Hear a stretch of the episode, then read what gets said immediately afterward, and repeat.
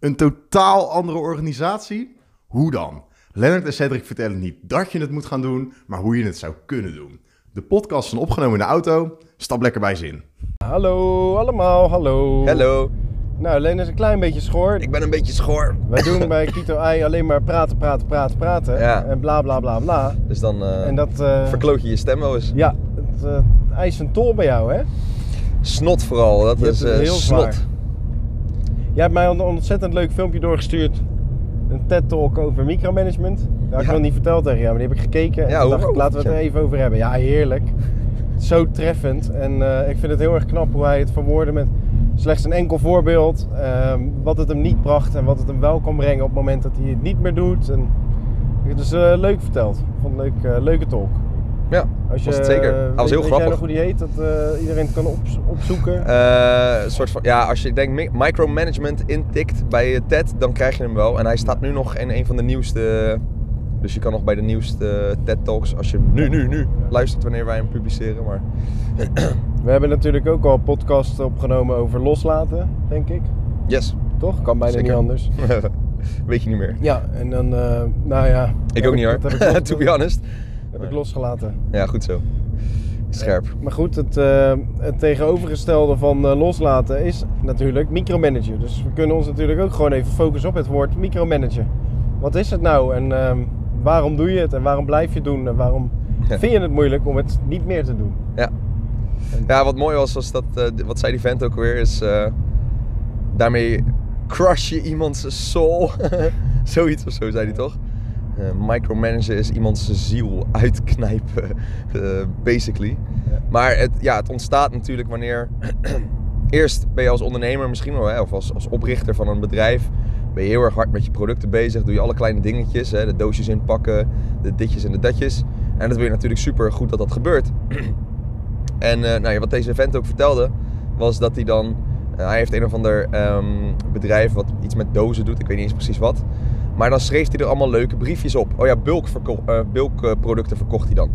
En dan schreef hij allemaal leuke tekstjes op de dozen. Eh, nou op een gegeven moment, hè, dus dat ging hartstikke goed. En dat groeide zo snel dat hij allemaal mensen nodig had. Nou, op een gegeven moment dan is was hij dus natuurlijk de manager van de mensen. En toen kwamen nog meer mensen en toen werd hij de manager van de manager van de mensen. En in het eerste geval, toen hij de manager van de mensen was, kon hij nog wel overzien wat ze allemaal op de briefjes schreven. Maar toen hij de manager van de manager van de mensen werd, toen kon hij dat niet meer zien. En toen dacht hij, ja, maar ja, ik wil natuurlijk wel dat het net zo leuk en grappig blijft als dat ik het doe. Dus nu ga ik regels eh, bedenken voor het opschrijven van de briefjes op de dozen. Ja, toen werd het gelijk een stuk minder leuk. Toen werd het gelijk ja, minder leuk. Want toen, eh, toen was het ineens een, we moeten dingen op de dozen die we verzenden schrijven. En we moeten grappig zijn. Ja. En eh, je moet wel grappig zijn op onze manier. En hij ging eigenlijk, hoe hij, eigenlijk, hoe hij natuurlijk dingetjes opschreef, was een heel natuurlijk proces. Hè. Zijn eigen logica of intuïtie maakte dat hij natuurlijk die tekstjes op een leuke manier schreef.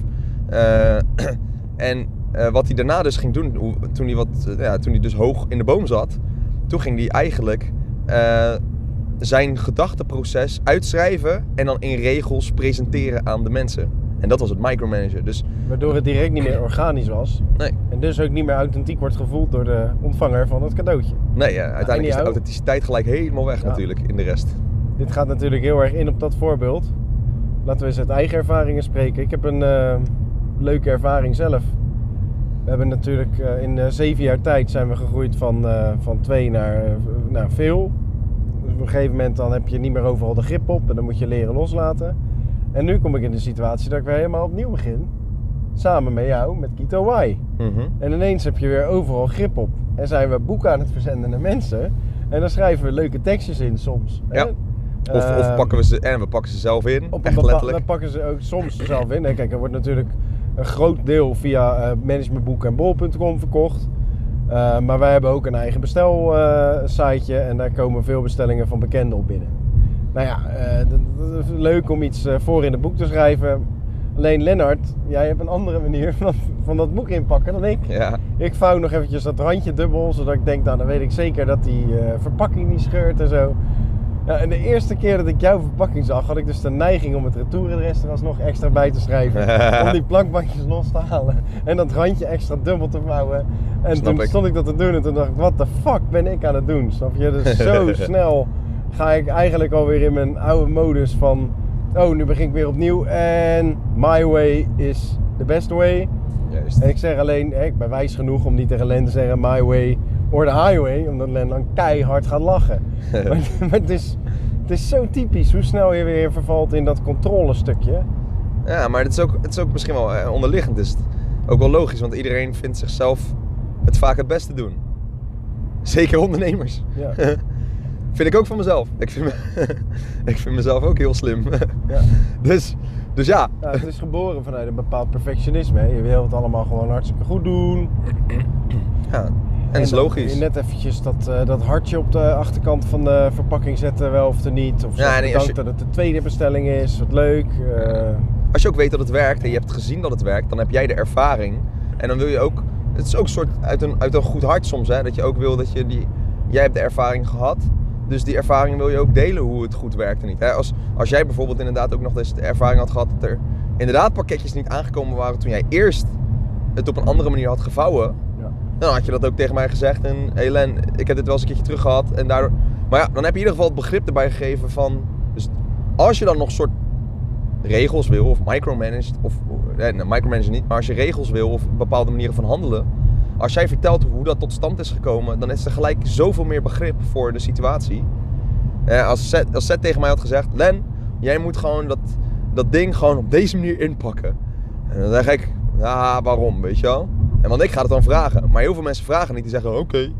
En dan is het niet meer leuk en dan voelt het niet meer van hun. Maar als hij zegt, nee je moet het op deze manier inpakken. Want ik heb het ook een keer zo ingepakt zoals jij. En toen kreeg ik alles terug. Of toen kwamen ze niet aan en dat is heel veel gezeik. En laten we dat alsjeblieft een beetje proberen te voorkomen met z'n allen. Of ik had het zo gedaan, dan kreeg ik zo'n leuke reactie op. Laten we dat gewoon Juist. bij iedereen doen. En dan denk ik, oh, Oh, dat is leuk. Dat wil ik ook. Dan Nou, dan- ook, en dan is het heel duidelijk. ook van hem. Maar dan is het niet meer mijn willenswet. Maar dan is het Ja. van ons uit goed om te doen. Ja. Dat, En dat- betekent, maar dat betekent natuurlijk niet dat als eh, de derde collega komt, Jantje of Pietje of Klaasje, dat dit in beton gegoten is.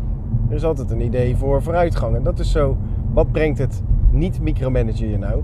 Je wordt nog wel eens verrast door input van anderen en acties binnen jouw bedrijf. Waarbij je denkt van, eh, goh wat leuk dat we dit nu ineens hebben. Hm. En dat is niet jouw idee.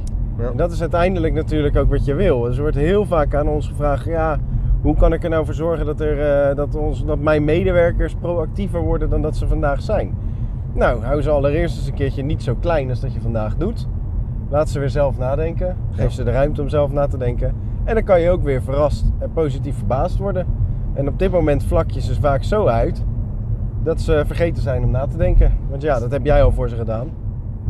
En dat kan ook de andere kant, eh, ook misschien wel in de een soort beschermende kant op werken. Hè? Dat je soms denkt, ja, maar ik moet het wel even beschermen. Weet je wel, ik moet ze wel beschermen of zo. Dus ik vertel bepaalde dingen niet. Of, eh, hè? Maar daarmee kleineer je eigenlijk de collega's ook. En dan komen ze precies tot dezelfde frustraties. En jij dus uiteindelijk ook weer. Omdat mensen dan niet het eigenaarschap voelen. Omdat jij niet deelt dat je een keertje tegen je schenen aan bent geschopt door een handeling van hun. Ja. Maar dat is weer een andere. Ja, je doet ze pijn door de pijn niet te laten voelen. Ja. Maar ja, iedereen die kent dat gevoel wel. Zeker als je kinderen hebt, instinctief. Je wil voorkomen dat je kind pijn heeft van het vallen op de grond. Maar ja, als jij hem iedere keer op het moment dat hij een muurtje opklimt of een trap opklimt vertelt... Doe maar niet, doe maar voorzichtig, kijk uit, kijk uit. Dan maak je een ontzettend eh, onzeker en bangig kindje van hem. Of Yes. iemand die, eh, die nooit een keer iets durft. Ja, wil je dat dan? Nee. Laat hem maar lekker lopen, joh. Huppatee, gaan. Precies. Nou, leuk. Ja Maar nog- heb, jij nog een, heb jij trouwens nog zelf nog een eh, ander, praktisch van, voor- van, nou van his, een, een historisch Cedric voorbeeld van micromanager wat misschien juist wel heel erg goed ging? Eh, om even de andere kant te belichten. Zo, eh, dat ik goed moet nadenken is een slecht teken. Ja, het kan ook dat het helemaal fout ging, dat mag ook. Heb je wel eens gemicromanaged zes jaar geleden? Ik heb, ik, heb, eh, zo, ik heb bijna alleen maar gemicromanaged. De eerste paar jaar van, eh, van Kito zeker. Mhm. Ehm, Maar hoe, hoe- wat deed je dan? sales, sales gerelateerd deed ik uiteindelijk altijd over stemmen of in een gesprek. Op het moment dat het dan niet perfect was, dan nam ik een gesprek half over. Eh, offertes altijd nog aanpassen. Ehm, in het perfectionisme de laatste 10, 15 procent nog net even andere nuances. Ik noem dat micromanagen. Je zou ook Ja. gewoon kunnen zeggen, joh, Dat laat maar eens kijken of die wel of niet valt. Ja. bij eh, Jantje of Pietje. En dat als er niet valt, dat Jantje denkt, jeetje, waarom is hij nou niet gevallen? Misschien moet ik de volgende keer die 10, 15 procent doen. Ja, ik wilde natuurlijk zeker weten dat die offertes vielen, dus daar ging ik er alles aan doen. Dus ik liet gewoon nooit iets aan het toeval over. Ja. Nou, het is heel tegen natuurlijk om iets wel aan het toeval over te laten. Zeker op het moment dat het jouw bedrijf is of jouw bankrekening of, eh, of op het moment dat je angstig bent. Er waren heel vaak situaties dat, het, eh, dat we het geld van de verkoop heel goed konden gebruiken. Nou ja, dan ga je dus eigenlijk handelen uit angst. En beknepen doen. Maar bracht het me wel eens iets goeds? Nou ja, ik denk in heel veel gevallen hebben we daardoor de sales binnengehaald. Ja.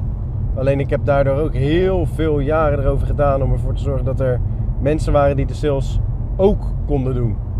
Dus ik heb, eh, ja, ik heb daar heel erg veel sales door gedraaid.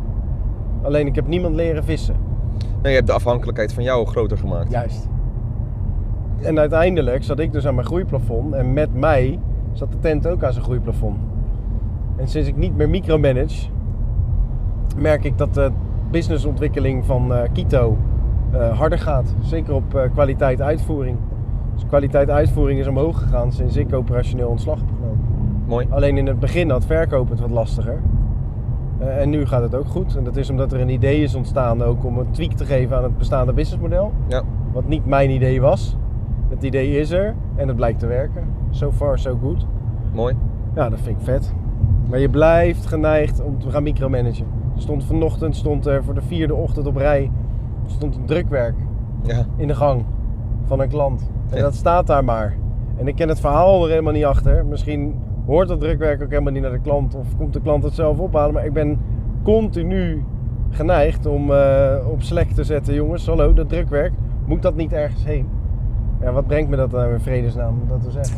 Alsof mijn collega's niet ook allemaal bewust zijn van het feit dat als dat drukwerk ontzettend nodig is bij een klant, dat dat er dan ook moet komen. Dan lopen daar voor langs de ingang lopen daar 30, 40 mensen op een dag. Ja. Die weten dat echt wel. Dus er is een ander verhaal. Maar op het moment dat ik dan weer de neurotische Cedric uitgang op Slack, dan heb je ook dat je collega's denken: oh jeetje, is die weer. ja, en dat doet je reputatie eh, niet heel veel goeds. Het geeft niet veel vertrouwen in de mensen. En je hebt er eigenlijk helemaal niks mee gewonnen. Want door het stellen van die vraag gaat het drukwerk echt niet sneller naar de klant. Precies. Nou, Duidelijk verhaal. micromanager, gewoon probeer het eens niet te doen. Ja. Kijk wat er het- gebeurt. Ja, ik snap dat het lastig is, maar heel veel succes. Good luck. Doei doei! Doei.